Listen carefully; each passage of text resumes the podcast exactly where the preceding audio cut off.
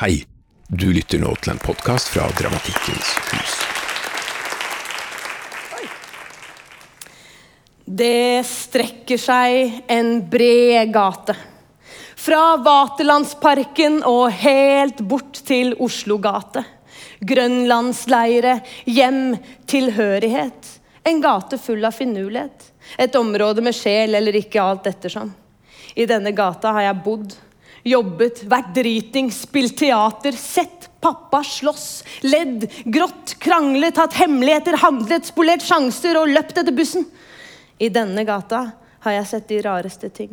Jeg har sett rottene kose seg i Akerselva mens endene kvekker omkring. Ja, det er en fartsåre gjennom byen min. Et område hvor alle underfundigheter møtes. Meloner og sigaretter, hipstere og frikere, Mercedeser og Ladaer, heldekninger og miniskjørt, McDonald's-burgere og, og kebabrull med Thousand Island dressing. Ja, det er samme dritten, spør du meg, men allikevel ikke. Hadde du servert en sånn kebab til en tyrker i Tyrkia, så hadde han sikkert gitt deg en på trynet. Men her, det er bare sånn vi vil ha det. Grønland er stedet der du finner stengte butikklokaler med halvpåkledde mannekengdukker, der slagordet i vinduet er 'Your beauty is our duty'. Om det slagordet noen gang har tiltrukket seg kunder, er heller tvilsomt. Spesielt siden dukken i vinduet står med brystet bart og hijaben hengende løst over det tomme blikket i ansiktet. Men det er uten tvil et vakkert bilde i landskapet. Grønland er området der butikkskiltene skriver Vi har gullsmykker, gardiner, stopper, stoffer, glidelåser og bleier.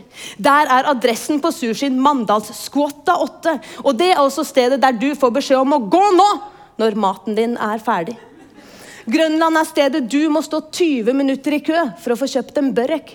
Fordi ekspeditrisen må få lov til å fortelle ferdig historien sin til personen før deg, før hun kan hjelpe deg. Ja, fordi vi gjør ikke to ting samtidig på Grønland. Mitt Grønland. Kontakt.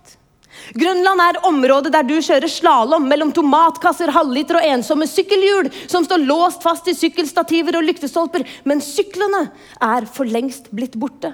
På Grønland slåss duene om brødsmulene, og måkene ja, de jager etter grillrestene.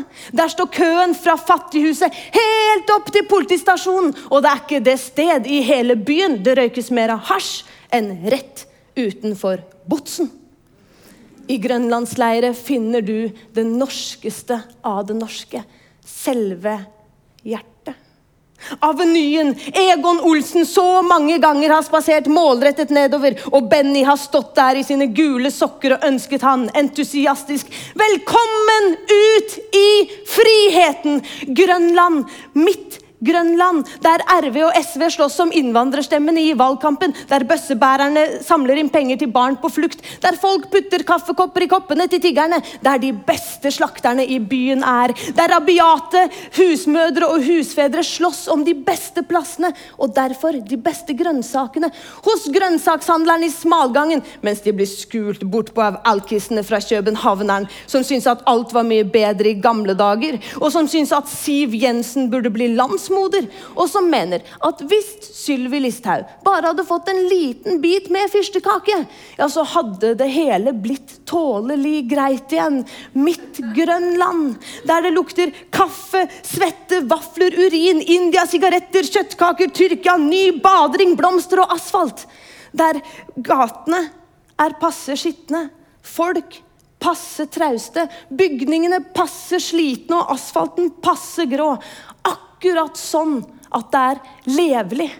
Grønland blant ting vi hater og ting vi elsker. På Grønland henger en av Oslos største lysekroner. Og der henger rikingene som vil ut av fiffen i slitne jeansbukser og drikker utvanna øl til 48 for halvliteren.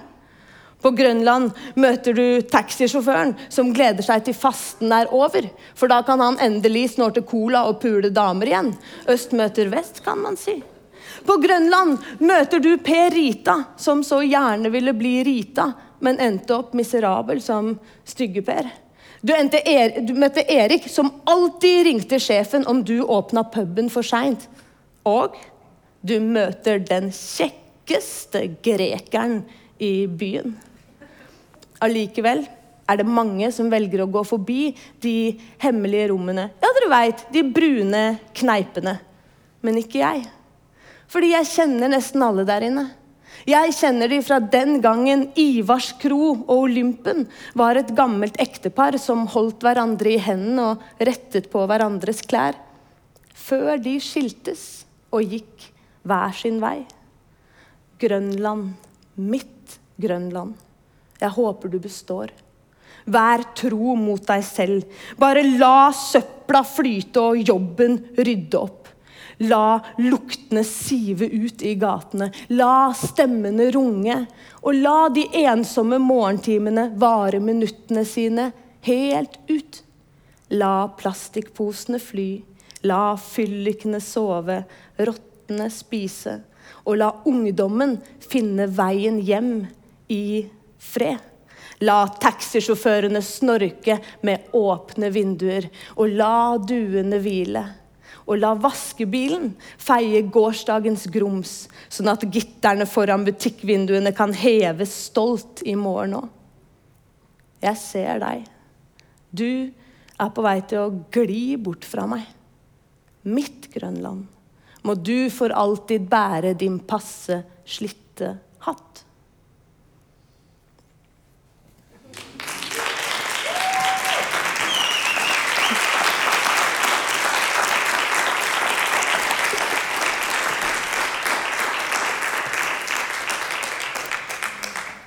Ok. Grønland. Så um, ja. Um, jeg må ærlig innrømme at um, foredrag er ikke noe jeg har gjort sånn sinnssykt mye av i mitt liv. Men jeg er jo utrolig glad for at Dramatikkens hus er så gærne at de inviterer meg hit og lar meg stå og snakke om noe jeg syns er kjempegøy å snakke om. Jeg tenkte som så, når jeg skulle holde dette foredraget Jeg vil snakke om Grønland, fordi Grønland det kan jeg noe om, og det har jeg kjempelyst til å snakke om. Det jeg ikke tenkte på, var jo at Grønland er så utrolig mye. Og jeg tenkte sånn 45 minutter eller 50 minutter. Hva er det jeg skal snakke om? Og jeg har jo på en måte lyst til å snakke om absolutt alt. Men jeg skal se hvor dette her bærer i vei. Jeg har utrolig mange papirer, sånn som man skal når man skal holde foredrag. Det har jeg. Jeg har mange papirer. Eh, så det kan hende at jeg må innom de papirene litt. Men jeg skal egentlig prøve å Jeg skal ta med ett papir nå, da. Eh, prøve å holde meg litt sånn Ikke for mye i papirene. Eh, hvor mange her pleier å henge på Grønland? Ja, veldig bra. Er det noen her som har spist kebab på Grønland? Ja, veldig bra. veldig bra, veldig bra. Noen som har drukket øl på Grønland? Sittet på en benk på Grønland? Veldig bra. Sett noe de ikke liker på Grønland? Ok, greit. Sett noe de liker på Grønland? Ok, veldig bra. Okay. Det er en fin forsamling. Det er det absolutt. Ok, Så Grønland er et lite område i bydel Gamle Oslo i Oslo. Grønland grenser i vest til Vaterland i nord til Tøyen og Enerhaugen. Til øst til Gamlebyen. Og eh, sør så er det rett og slett toglinjene eh, som går inn til jernbanestasjonen i Oslo. Grønland er et lite område, men det rommer helt enormt mye. Eh, det er en sånn der type bydel som gjør at vi kan kalle Oslo en storby. Rett og slett pga. sitt sammensurium av eh, butikker og restauranter og folk og parker og benker og utesteder og matretter og lukter osv. osv.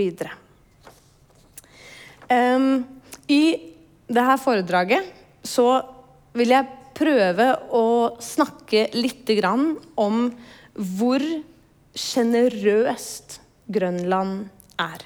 Hva for en helt fantastisk sjenerøs og god bydel, ikke bydel, område Grønland er. Um, det er en bydel som uh, favner om, som tar imot, um, uh, tar vare på, og som utvikler seg selv på en måte som ingen andre bydeler eller områder i Oslo klarer å gjøre, syns jeg. Eh, kulturen på Grønland er solidarisk. Det skal være plass til alle. Eh, også de som har det vanskeligst.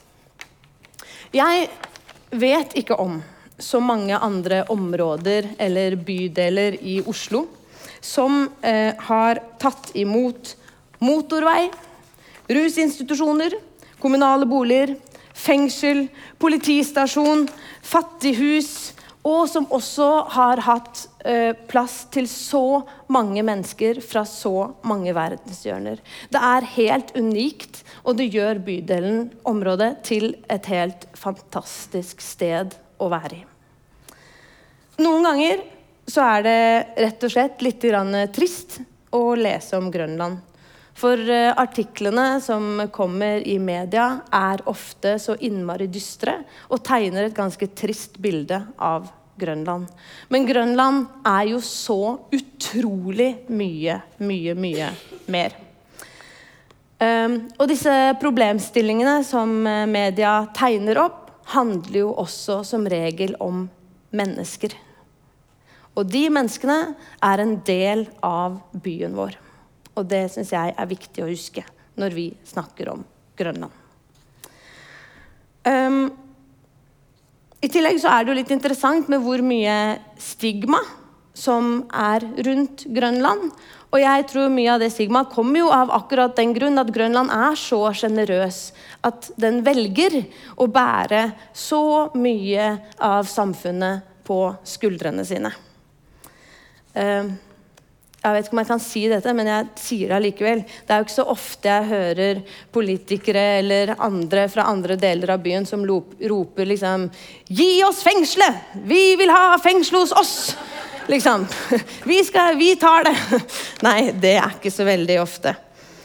Um, men for mange av oss som bor og jobber på Grønland, så er Grønland et fantastisk pusterom i en by som ofte kan oppleves som ganske så gentrifisert, rik og relativt homogen. Gazi Østgan, som er daglig leder for Interkulturelt museum her på Grønland, han kalte eh, Grønland en balanseboks mot majoriteten. Og det syns jeg var så innmari fint at det bare adopterte jeg. Um, jeg var så heldig å drikke kaffe med han. Det er veldig gøy. Det kan jeg anbefale, forresten. Uh, han sier veldig mye klokt. um, selv så har jeg alltid identifisert meg med Grønland. Eller kanskje ikke alltid fra jeg var barn, men det har nok kanskje kommet sånn snikende på. Men fordi at Grønland er så mangfoldig og så solidarisk og så åpent og har plass til så mange forskjellige folk. Og det føler jeg at det er et sted jeg kan kalle for hjem. Um, nå skal jeg bruke den fine knappen. Det, det var et ganske fint bilde, det òg. Ja, ja. På Grønland må du ikke gå langt for å få tak i en um, nybakt børk eller linsesuppe, en kopp te, mante eller en skikkelig god og varmende dal. Eller kanskje en eh, beiti kebab eller lignende. Ikke sant? Ja? ja. Um, vi som jobber og henger her, vi er jo heldige å få lov til å på en måte være i hva jeg kaller for Oslos bitte lille metropol.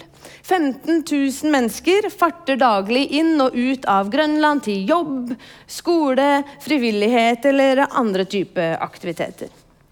På Grønland finner du noen av Oslos mest legendariske plasser, hvis du spør meg, da. Eller i hvert fall noen av Grønlands mest legendariske plasser. Her finner du bl.a. Asylet, som har vært kafédrift i nesten 30 år, og som holder til i et bygg fra 1740. Vet dere hvor asylet ligger? Ja, veldig bra. Eh, og her har det jo bl.a. også vært kjøpmannsgård, barnehjemsanstalt og tinghus. Det er jo litt kult.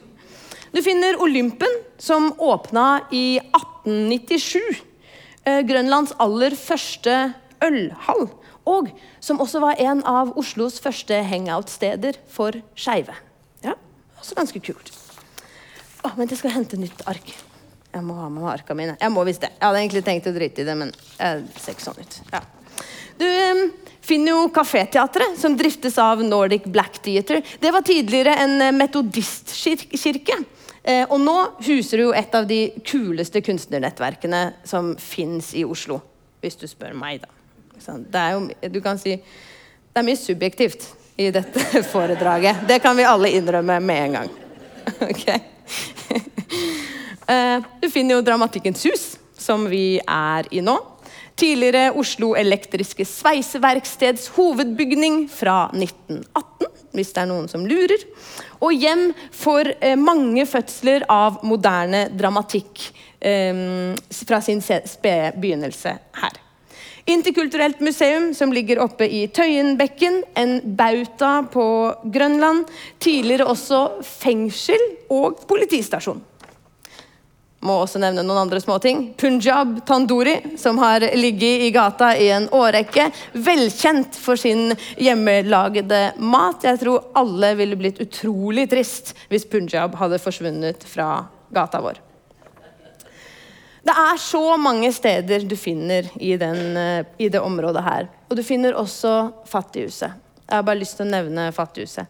Fattighuset er en eh, ideell organisasjon som har samarbeid med flere andre organisasjoner. Fattighuset gir bl.a. ut gratis mat og klær. Noen ganger så tenker jeg sånn at jeg tror vi kan ta litt temperaturen på hvordan det egentlig ser ut i Oslo, og kanskje også i Norge, ved å ta en liten titt på hvordan det står til i køene på Fattighuset. Under covid så sto køen fra Fattighuset helt opp forbi politistasjonen og videre ned langs Åkerbergveien. Og nå, disse ukene her, så er vi faktisk ikke så langt derfra igjen. Men denne gangen ikke pga. en nasjonal krise, men rett og slett pga. økte eh, strømutgifter, økte eh, boligpriser, økt, eller renteøkninger, matpriser og ikke minst eh, jeg er overbevist om at det også handler om et leiemarked som har gått fullstendig av skaftet i Norge, og som ingen tør å gjøre noen ting med. Men ja, OK. Grønland. Tilbake. Grønland er rikt. Det er rikt på kultur, det er rikt på uttrykk, det er rikt på arkitektur, og det er rikt på mennesketyper. For meg så er eh, Grønland som en helt egen økologi. Og det er som med de fleste andre økologier at hvis du velger å ta noe bort fra den økologien, så vil selvfølgelig den endre seg. Jeg mener at Grønland er som Grønland er, fordi den bærer på alt som er godt, men også noe av det som er vondt. Ja. Nå skal jeg vinne et nytt ark. Ja, det var det jeg, skulle, jeg hadde lyst til å spørre dere et spørsmål. Nå kan dere bare rope veldig høyt. Eller rope og rope, da. Men eh, eh, hva er deres yndlingsplasser på Grønland? Har dere noen sånne restauranter eller puber eller bestemte plasser eller noe sånt? Punjab?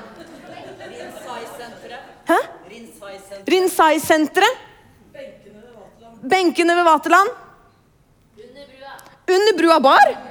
Perfekt. Ja? Hæ? Qigong-senteret. Yoga, qigong. Qigong. Ja, OK. Bobs. Bobs på hjørnet. Bobs er fint. Parken, parken, absolutt. Botsparken. Rainbow Tekstil. Rainbow Tekstil. Ja, veldig viktig. Andre steder? Ah, Yadgar Sweets. Der får, du, der får du bra godis. Medina. Veldig bra. Hva spiser du på Medina? Søtsaker. ok, andre ting? Det er mye deilig bling på Grønland. Det er faktisk veldig, veldig mye deilig bling på Grønland. Men OK. Uh, uh, jeg skal prøve å lage en sånn bitte Altså, jeg, jeg er ingen uh, historiker, men jeg skal allikevel prøve å gi en sånn bitte liten um, historierekke til hvorfor kanskje Grønland har blitt litt som Grønland har blitt i dag. Um, og vi skal flytte oss helt langt tilbake til eh, eh middelalderbyen Oslo. Helt tilbake til 1600-tallet. Eh, Oslo lå i det området som vi i dag kaller for Gamle Oslo, rundt Middelalderparken, Sankt Halvardskatedralen eh, uh, Hva heter det? Vent, da. Vent da. Ja, ok, det er ikke så farlig. Dere skjønner hvor jeg er, ikke sant? Ja. Men i 1624 ja. Ja må dobbeltsjekke. Jeg er litt redd for at nå kommer noen historikere og tar meg etterpå for at det blir filma og sånn. Um, uh, så uh, gjennomlevde Oslo en kjempestor bybrann, som kanskje folk vet om. Og over tre dager så brant nesten hele Oslo ned til grus. Det var bare få bygg som blei igjen. I denne perioden så eh, fant kong Kristian 4. ut at Oslo skulle gjenreises. Men denne gangen ikke der hvor Oslo lå, men heller på vestsiden av Bjørvika, eh, nedenfor Akershus festning. og Det er det området som vi kjenner som Kvadraturen i dag. Og dette området ble kalt Kristiania. Um, I Kristiania så ble det uh, murtvang. Altså det var forbudt å bygge med tre. Men, uh, og egentlig så var det sånn at uh, i Oslo, området som var Oslo, var det egentlig forbudt å bygge. Men allikevel begynte det å vokse frem et, eh, et nytt boligområde, eller boligområde. det ble bygd mye mer. Og de områdene fortsatte man å kalle for Oslo, men selve byen Kristiania lå der hvor Kvadraturen er nå. Og i Vent litt, nå må jeg bare, må jeg bare et, et tall til. Ja, nemlig. Og i 1654 Nå har jeg faktisk et ganske fint bilde. Ja, men det bildet er ikke fra 1654. Det ser dere kanskje. Da ble Vaterlands bru bygget. Og det var ganske viktig, for det betydde at man oppretta en helt direkte tilkobling på en måte, mellom Kristiania eh, og Oslo. Og da ble også Grønland og Vaterland et kjempeviktig område. Så her begynte mange å strømme og siden eh, Oslo, og da også Grønland, ikke var innlemmet i de samme reglene som var i Kristiania, eh, som var altså murtvang, så kunne man fortsette å bygge med bl.a. tre eh, på, i grønlandsområdet. Eh, så det ble naturlig for mange med dårlig råd også å flytte ut til grønlandsområdet. Og selvfølgelig, Kristiania var jo forbeholdt de som var litt rikere. Og ergo ble de fattigere eh, klassene sluset ut og bosatte seg gjerne på Grønland. Um, Byggene på Grønland husa helt uh, frem til til i dag egentlig, har huset alt fra fabrikkarbeidere, håndverkere og handelsmenn. Og det er heller ikke noe nytt at Grønland er et mangfoldig område. Allerede på 1600-tallet begynte håndverkere og handelsmenn fra hele Europa å, um, å, bosette seg her i området. Og det var først i 1859 at forstaden Oslo ja, ble innlemmet i byen Kristiania, og ble da også underlagt murtvang. Eh, og i 1925 ja, da bytta hele byen navnet tilbake igjen til Oslo. For en hyggelig historie. Ja. Um, jeg skal ikke snakke så mye om denne neste lille epoken, men eh, kjapt. I 1860 så ble Grønland torg grunnlagt. Og dette var originalt et kvegtorg. Ja, ja jeg ser på deg der oppe, for det vet du. Ja. um, eh, og i, i 1911 så eh, ble Jeg skal hoppe til det bildet først. Så eh, ble eh, slaktehallen på Grønland reist. Og det var arbeidsplass for mange i Oslo, og selvfølgelig en utvidelse av Kutorget. Eller ja, Kvegtorget, da. Eh, slaktehallen lå der hvor bussterminalen i Oslo ligger nå. Og nå skal jeg gå tilbake til det forrige bildet, fordi det er egentlig litt bitte grann gøy. For hvis dere ser hvor dette er, så er vi på Dramatikkens hus nå. Det er her. Og her er Tollboden. Her er Sveigårds gate. Og her er den gamle slaktehallen hvor bussterminalen ligger nå. Yes. Um, men på 70-tallet så ble Vaterland sanert. Og den her helt fantastiske Unnskyld, vent litt. Den her fantastiske hallen ble revet. Man kan jo sikkert håpe at alle byutviklere som lever i beste velgående i dag, eh, ikke gjør noe sånt igjen. Ikke riv sånne ting. Det kunne vært gøy å ha. Ferdig med det. Ja. ja vi kan jo liksom alle forestille oss hva et sånt bygg kunne vært i dag.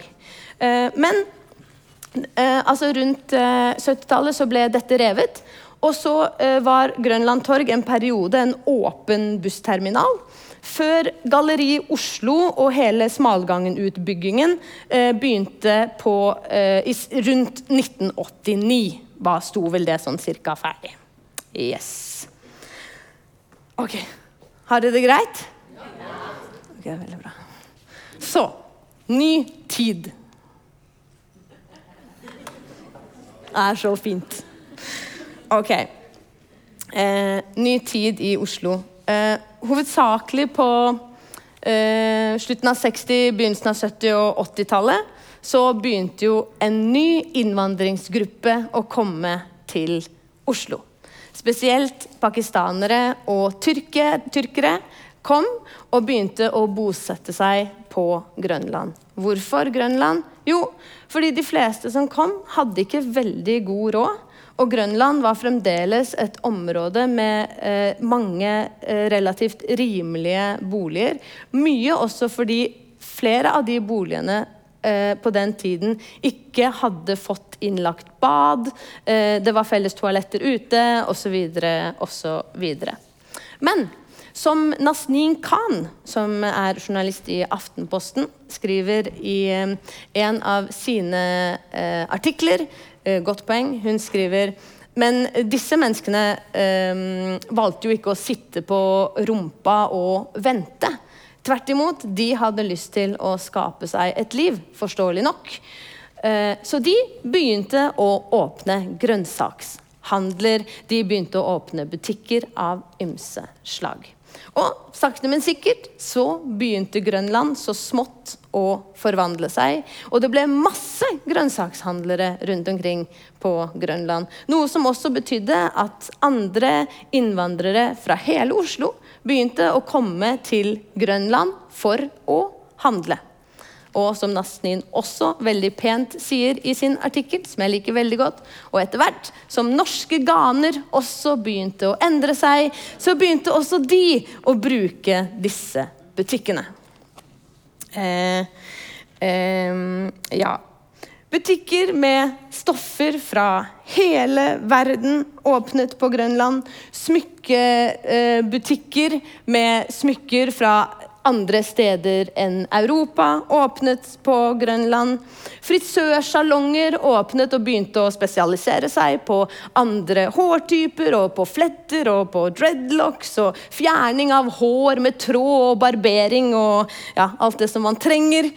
Eh, og restauranter med mat som norske ganer foreløpig ikke hadde smakt så mye av, begynte å åpne seg. Og bitte lille Grønland begynte sakte, men sikkert å bli en særegen, liten østkant verdensmetropol. Ja, det er omtrent det jeg klarer å kalle det. Yes. Jeg bare viser dere bildet. Veldig fint. Ja, veldig fint. Um, I dag så uh, er nesten 80% av utestedene på Grønland drevet av akkurat innvandrere. Eh, her kan nevnes Olympen, Igel, Enerhaugen kro, Under brua bar, Sorrento og nye Vaterland Trattoria. som det heter nå, altså der hvor Stargate lå før. Eh, næringslivet på Grønland ja, det blomstrer. Eh, og det er ikke småpenger som kommer inn i skattekassa til Norge eh, pga. Eh, bedriftene på Grønland. Det vil jeg bare gjerne ha sagt. Så Jeg må bare vise dere ett bilde til, for jeg syns det var så innmari fint. Det var mer sånn for jeg syns det var fint. Det har ikke noen grunn til at Men jeg tok det bildet utenfor Enerhaugen kro, og der står det 'Lettøl, ta det rolig'. Ja. Det syns jeg var fint. Eh, så hvor er eh, Grønland nå? Jo, Grønland er fremdeles bestående i all hovedsak av småbedrifter, små butikker, restauranter, utesteder og mange boliger. Eh, I tillegg så preges Grønland av å ha flere åpne rusinstitusjoner, fengsel, og vi vet også at det finnes noen åpne rusmiljøer på Grønland. Fremdeles står en del av den gamle trehusbebyggelsen her, som var her, som Plakathuset. Jeg vet ikke om dere skjønner hvor det er. Det er i, mellom Grønlandsleiret og Åkebergveien. Tøyenbekken 12 og trehusene oppover i Tøyenbekken, og noen av de som er innlemmet i Grønland basar. Og Grønland har jo gått fra å være en eh, sentrumsnær forstad til å bli en del av Stor-Oslo sentrum. Og et eh, bysentrum, ja, det tilhører jo så veldig mange. Ikke bare de som bor i strøket, men også de som jobber der, eh, og de som finner sine utvidede stuer der. Eh, så på Grønland vanker det folk fra store deler av byen vår, både gamle og unge. Det er et gøyalt og levende område, både pga. sin mangfoldige arkitektur og pga. alt det som et eventyrlystent menneske kan tenke seg.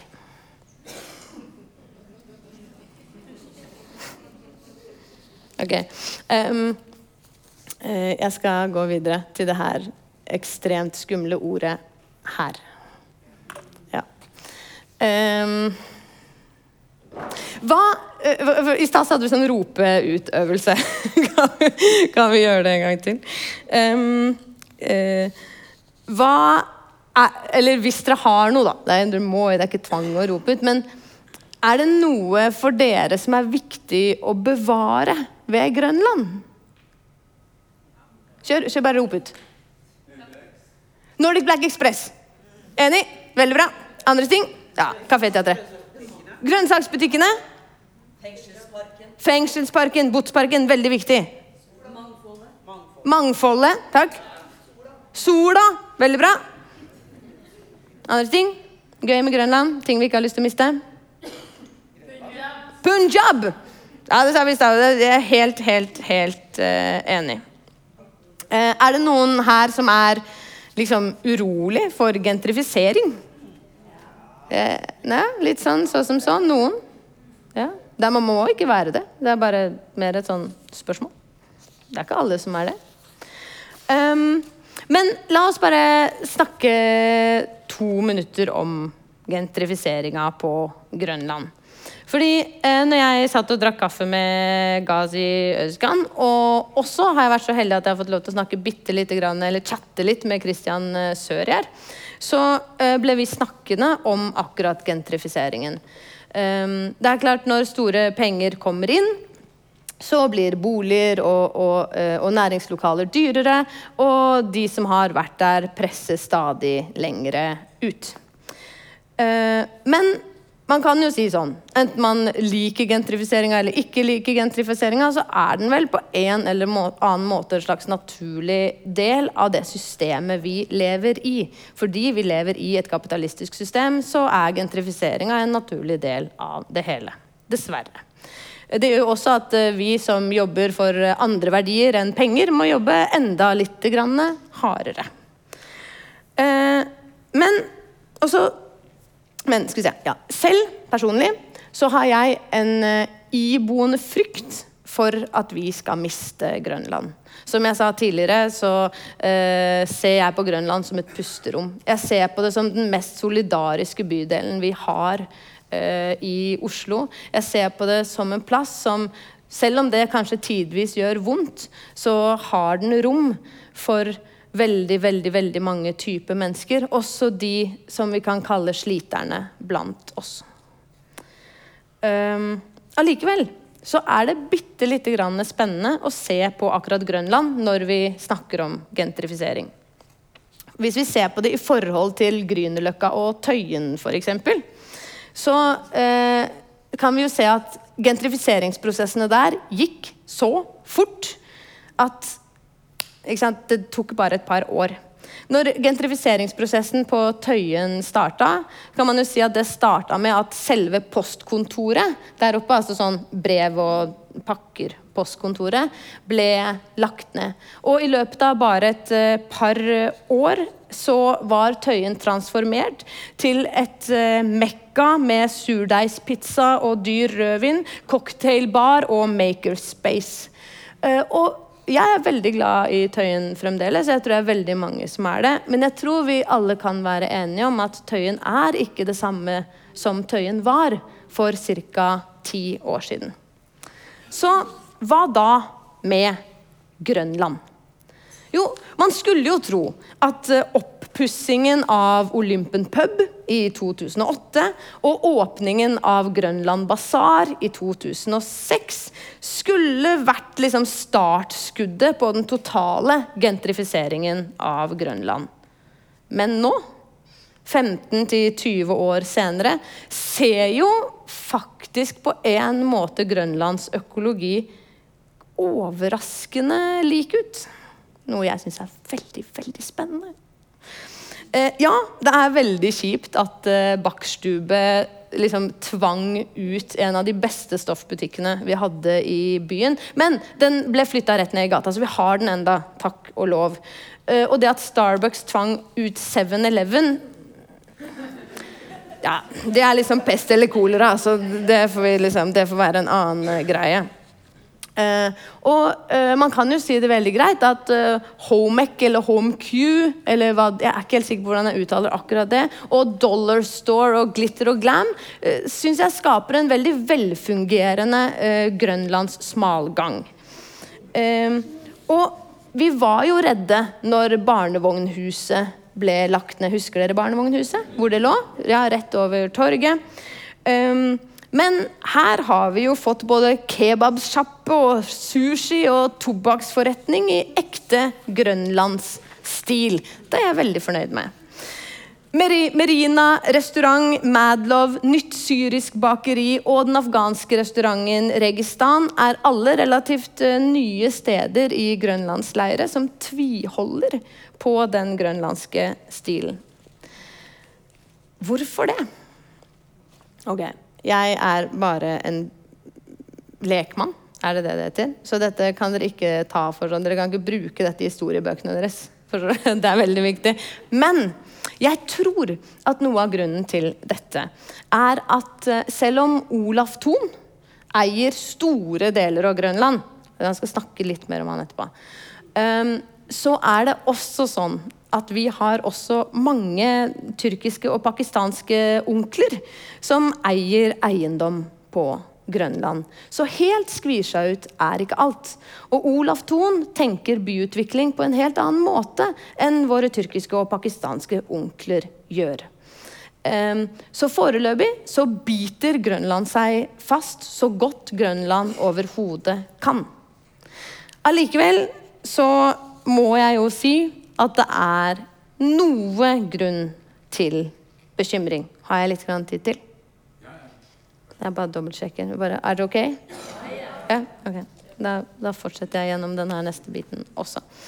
Um, det er uh, noen byutviklingsprosjekter uh, som jeg har lyst til å liksom, ta en bitte litt titt på. Som jeg tror at uansett hvordan vi snur og vender på det, så kan vi ikke være så naive at ikke dette her kommer til å gjøre noen skikkelige, vaskeekte innhogg i eh, kulturen på Grønland. Eh, jeg har lyst til å starte med Grønland basar. Jeg har ikke et bilde av Grønland basar. Eh, sånn er det bare.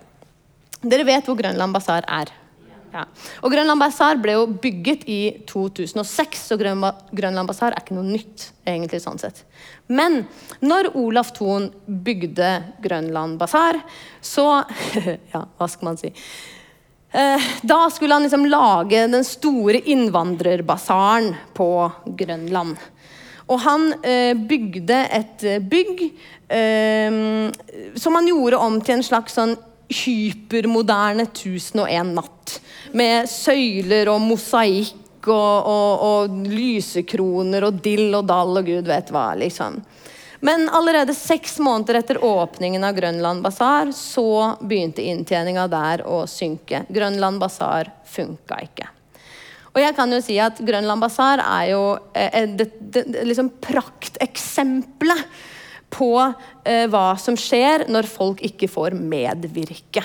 For Man kan jo virkelig stille seg spørsmålet hvordan er det mulig på Grønland at ikke det store bygget er fylt av stoffbutikker og slaktere og grønnsakshandlere og godteributikker og restauranter. Hvordan er det mulig? Jo, det er mulig når man nekter de som kan det, å medvirke. Det er mulig når man kjører over og sier ja, nå skal jeg lage innvandrerbutikk. Nei, det kan du ikke. Nei, det veit du faktisk ikke hvordan du gjør. Så du må jo snakke med de folka. Ikke sant? Nå er det faktisk slik. Når eh, Olaf Thon fikk lov til å opprette Grønland Basar, så var det ingen av butikkene som skulle være større enn 300 kvadratmeter. Nå har eh, Olaf Thon fått tillatelse av Plan og bygg til å bygge en 3000 kvadratmeter stor Kiwi-butikk på Grønland Basar. Dette er vedtatt. eh, og både eh, skredderen og slakteren er allerede sagt opp, og Vinmonopolet skal flyttes, og vi har ikke lenger bokhandel på Grønland pga. dette. Um, det er det som skjer på Grønland Basar akkurat nå. Helt samtidig så er det masse folk som er veldig interessert i Olafia-gangen. Dette er jo mange grunner til akkurat det. Um, også fordi man er veldig redd for det åpne selgermiljøet eller rusmiljøet som er under Olafia-gangen, så er det veldig mange som vil inn der og uh, ordne opp. Hjelpe til, redde, fikse. Ja, ikke sant? Uh, en av eh, planene der Der har jeg bilde, faktisk. Det er en uh, mathall. som de har lyst til å bygge under, under hele Olafia-gangen. Her sier byutviklerne at de vil satse på innvandrerkvinner. Og at det er innvandrerkvinnene som skal lage maten i mathallen. ok, you know. Men så var det dette her med medvirkning, da og alt det der. Og, så, uh, og, og, disse planene kan jeg også si, de ble egentlig skrota for uh, fem år siden. Men så kom Høyre igjen på banen rett før valget og sa at hvis de får makta i Oslo, så skal de gå for dette. Altså Ingenting av dette er vedtatt, bare til orientering. Dette er planforslag som har kommet. Men jeg syns allikevel det er interessant å se på linjene. fordi hvorfor skjer blir liksom Grønland Basar brakk, samtidig som man satser på å åpne mathall under Olafia-gangen. Ok, that's just a question. Det er uh, den, det ene. Uh, og så er det uh, et stort stort nytt planforslag som kommer inn. Eh, vi skal forflytte oss til over elva og til Vaterland. Bitte lite grann utenfor Grønland, men det ville vært veldig rart å tenke at det ikke kommer til å få noe innvirkning på gentrifiseringen av Grønland. Um, dette her er uh, plantegningene til Estate eiendom, som ønsker å bygge ut plassen utenfor Oslo Spektrum. De har planer om å legge hele eh, trailerparken til Spektrum under bakken og bygge oppå her. Eh, Entra Eiendom sier at eh, dette skal huse 2000 arbeidsplasser, og at det på, eh, skal være 6000 kvadratmeter på bakkeplan som skal være utadrettet publikumsaktivitet. Hvorav halvparten skal være gratis for publikum. Ja, hvem vet? Dette er i hvert fall det utbyggerne sier. Eh, jeg tror at vi vil se en veldig ny gruppe mennesker hvert fall, som vil komme til dette området dersom det finner sted. Um, og vi vil også se en stor, stor forvandling av uh, Vaterland. Jeg har bare også lyst til å si, selv om jeg ikke har bilder av det, så um, det som ikke det er tegninger av på dette bildet, er eh, Olaf Thon sitt gigantprosjekt i eh, Brugata, som eventuelt da eh, også ville ha kommet opp bak her. Eh, jeg vet ikke om folk har fått det med seg, men Oslo har altså vedtatt en høyhusstrategi. Den er vedtatt, eh, som handler om utbygging av høyhus rundt eh, hovedsakelig i Oslo sentrum og rundt jernbanen og sånn, men dette trekker seg jo selvfølgelig lenger og lenger innover mot også oss. Um, ja, jeg har ikke noe mer å si om det. Jeg bare informerer, som det heter. Eh, jo, og så kan man jo si en bitte liten ting til. Dere har sikkert også fått med dere at Det er jo masse diskusjoner om utvikling av Vaterland generelt. og sånn som dere ser på det bildet her også, så er det eh, folk som har ideer om å rive eh, hele bussterminalen og åpne opp eh, Vaterland. Det er heller ikke vedtatt, men det har vært diskusjoner om det i en årrekke. Og det har vært masse arkitektkonkurranser og sånn for å begynne det arbeidet. Om det skjer, det veit vi ikke. Eh, og så er det en, eh, et kjempeprosjekt til som virkelig kommer til å gjøre sitt kjempeinnhogg i Grønland. Og dette prosjektet er vedtatt. Eh, dette er godkjent, og, på, og, byggingen av det kommer nok til å starte, vil jeg tippe, i løpet av et par år. Jeg skal bare gå videre her. Sånn.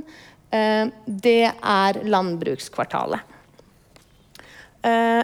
Landbrukskvartalet ligger mellom Grønlandsleire og Sveigårds gate og var tidligere et eh, stort meieribygg. Um, skjønner dere hvor det er? Vet dere hvor det er? Uh, nei. Uh, det er der hvor, vet du hvor Nordic Black Express har lokalene sine? Ja, det er landbrukskvartalet. Hele området der hvor Oslo Prosjektrom, hvis dere vet hvor det er um, Oslo restaurantskole holder til der, bl.a. Det området skal bygges ut. Uh, bygget skal bli 48,5 meter høyt og ha 14 etasjer. Uh, man er kjemperedd for hva som vil skje med sola og lyset i Botsparken og områdene rundt idet dette bygget blir bygget. Det som er litt enerverende eller uh, stressende å lese om med byutviklerne der, er at de skriver at de vil utvikle og fylle landbrukskvartalet med spennende innhold. Uh, det er skikkelig skummelt å høre, fordi landbrukskvartalet er fylt med veldig mye spennende innhold. Landbrukskvartalet huser teaterskole, eh, fotostudioer, Nei til EU, Oslo restaurantskole, folk som driver noe sånn Dyrker sopp i kaffegrut. Um, ja Hæ? Tøyen-cola er der. Eh, det er masse ting som foregår i landbrukskvartalet, og det er ikke tomt.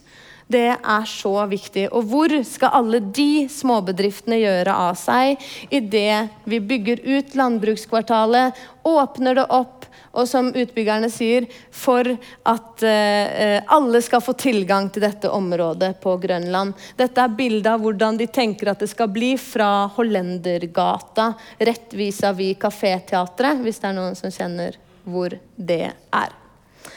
Um, personlig, så, og det er jo igjen subjektivt, uh, så mener jeg at det er et groteskt innhogg eh, i grønlandsk arkitektur.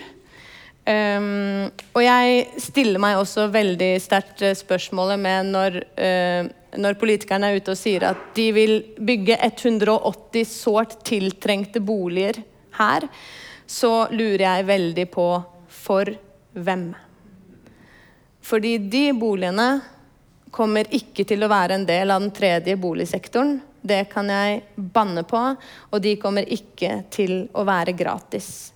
Så eh, her vil vi nok se eh, en helt, helt ty ny type folk flytte inn med pengene sine på Grønland. Eh, og dette er altså godkjent. En siste ting da, som jeg må si om det, er jo også at når hele landbrukskvartalet skal bygges, det er så stort, eh, så vil jo dette medføre støv og støy, og, og liksom, det vil steng være stengte gater. Det vil, Dette her vil påvirke folk i årevis fremover. Ja. Um, og nå ser jeg at uh, klokka nærmer seg sånn cirka slutten, så jeg skal bare kjapt innom en bitte liten ting til. Og det skal være skikkelig rask. Orker dere? Ja. Ikke slitne? Det er spennende, ikke sant? Ok, uh, bare poppe kjapt innom her. Eh, Botsen og Bayern, Oslo fengsel. Eh, Botsen da skal jeg bare ha litt riktig info, for det er jo litt viktig, det òg. Um, Botsen blei bygget mellom 1854 Dette er ikke et bilde av Botsen. Skal vise dere et bilde av Botsen etterpå. Okay? Uh, og, uh, ble, ja, Botsen ble bygget mellom 1854 og 1861.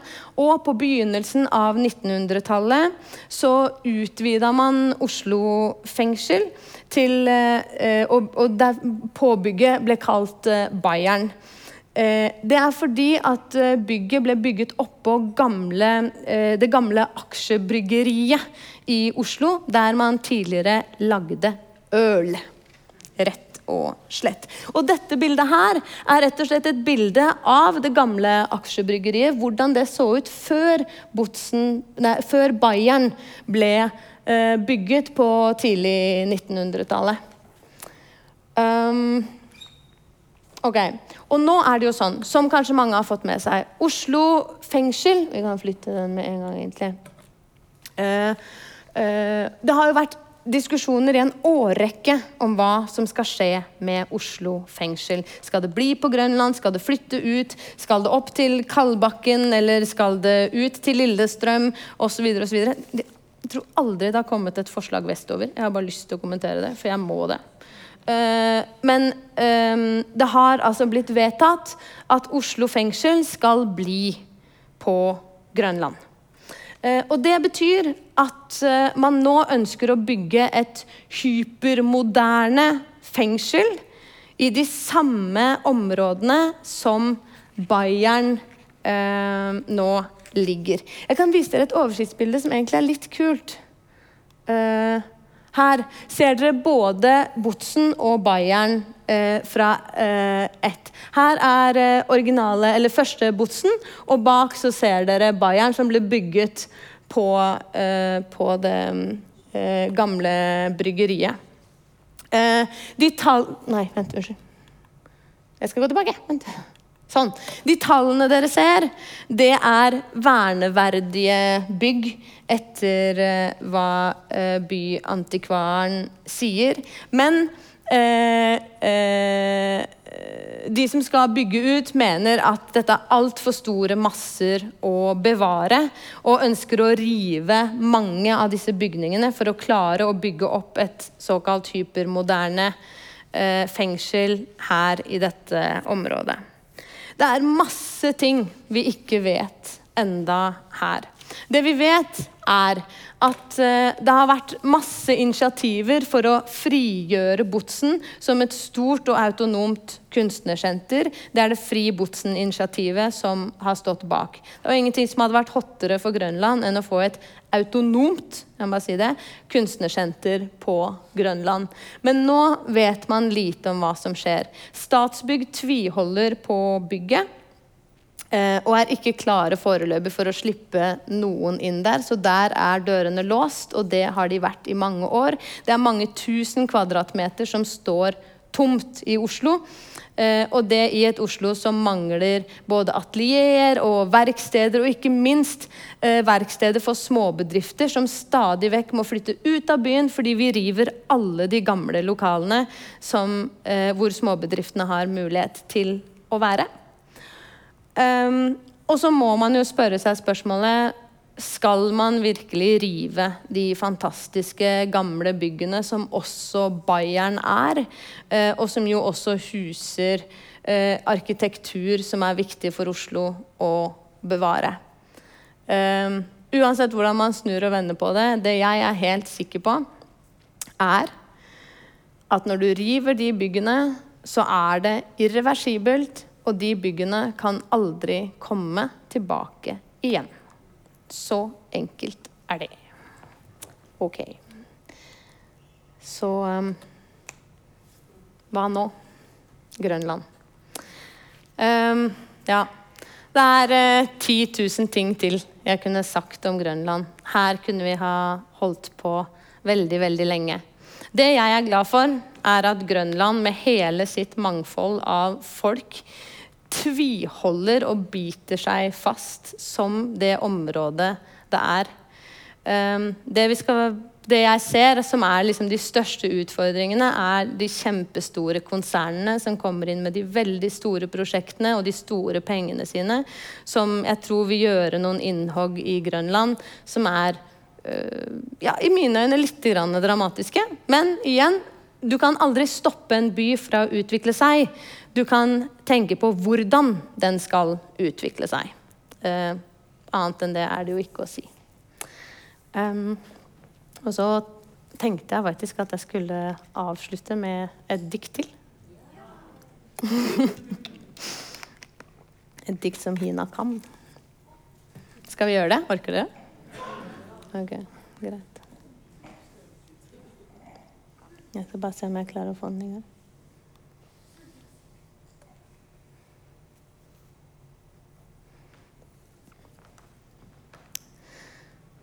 Så hvem er de? De som bor og vanker på Grønland, midt i byen, nærme elva. De som eh, vandrer mellom gatene i tettstedet, titter ned på den altfor lille brosteinen, snirkler seg vei gjennom den lille steinbyen bak Riverside. Hvem er de? De som vagger sakte fremover med trillebagen på slep. Som snakker i uforståelige, vakre toner som vi drømmer om å forstå. Drømmer om å kunne. De som sitter med posen i fanget og loffen i hånda. Som snakker med måkene om avisa og søpla og jorda og sola. De som eh, daglig tråkker denne gata, denne korte, men samtidig evige gata, Grønland. De som møysommelig pleide å sette opp bordet sitt her ved elva når markedslørdagen tok Grønland fatt med juggel fra Kina, antikviteter fra hemmelige stuer og tjuvgods fra diverse konteinere rundt omkring i denne sammenklemte byen. Hvem er de? De Oi, nå så jeg da. En gang til. Hvem er de? De som hever hodet høyt og ler skingrende idet de går forbi. De som vil at vi skal se. Se dem vokse, se dem bli mennesker. Se at de snart skal bli en del av vi. De som vil markere seg, definere seg, eksponere seg for alt det livet har å gi. De som sitter med bøyde knær og tung energi. Med et eh, dovent og undrende blikk. Synker sakte ned mot jorda hvert sekund som går forbi. Millimeter for millimeter, år for år, mens rynkene stivner sakte som leire i en ovn. De som bærer hipsterlua og skinnskoene som et uh, septer. Et symbol på klasse, intelligens og verdi. Ja, som alltid bærer uh, brystet først, og som alltid har noe klokt og velformulert å si. De hvem er de? De som rir sparkesyklene slik eh, røverne en gang i tiden red hest. Roper hipp før de forsvinner bak neste søyle, og med røverspråkets koder gjentagende hvisker Hoch a sosjoi, hoch-a, sosjoj, vovilol, doddu, hoch-a, hoch-a, sosjoj. De som eh, tror de bærer usynlighetskapper og tror de snakker et språk ingen kan forstå. De, hvem er de? De som bærer kasser på kasser med verdens deiligste grønnsaker, danderer veggene i den evige gata med tomater, druer, gresskar, agurker og bersiner flyter over som i eventyrene og Babylons hengende hager. Tar aldri grønnsakene slutt, tar aldri slutt. Disse mange kvinner, menn og hen som daglig tråkker ned brosteinen og asfalten, og som bruker Grønlands oksygen, som, put, som puster ut sitt CO2 og plasserer seg selv i det passe, store, gråe viet som er Grønland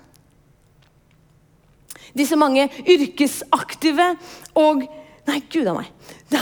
Hina, du må hjelpe meg. Jeg, litt, jeg har den. jeg har den. Vi går tilbake. Disse mange yrkesaktive og trygdede. Disse høylytte og lavmælte. Disse enspråklige og mangespråklige. Disse um, høyklassede inntrengerne og disse lavklassede tilhørende. Disse som har et hjem, og de som vandrer gatelangs. Hvem er de? De som står med knekk i knærne og vaier sakte frem og tilbake med et blikk som har entret en annen dimensjon, en annen plass, en annen moder jord.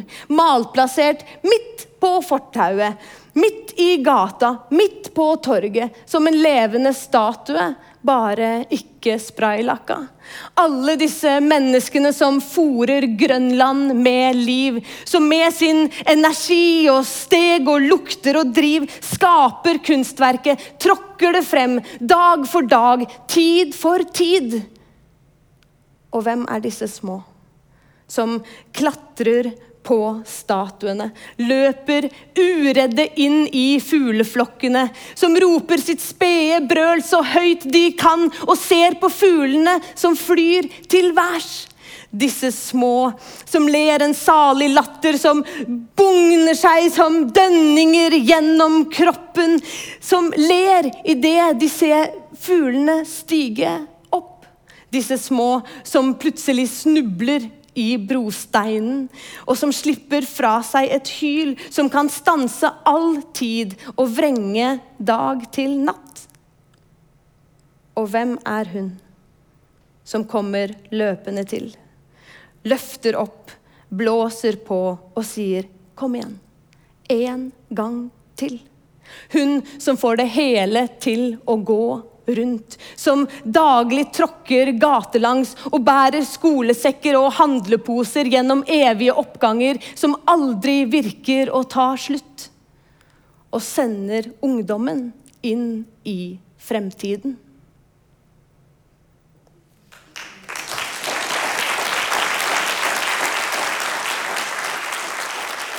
Du har hørt en podkast fra Dramatikkens hus.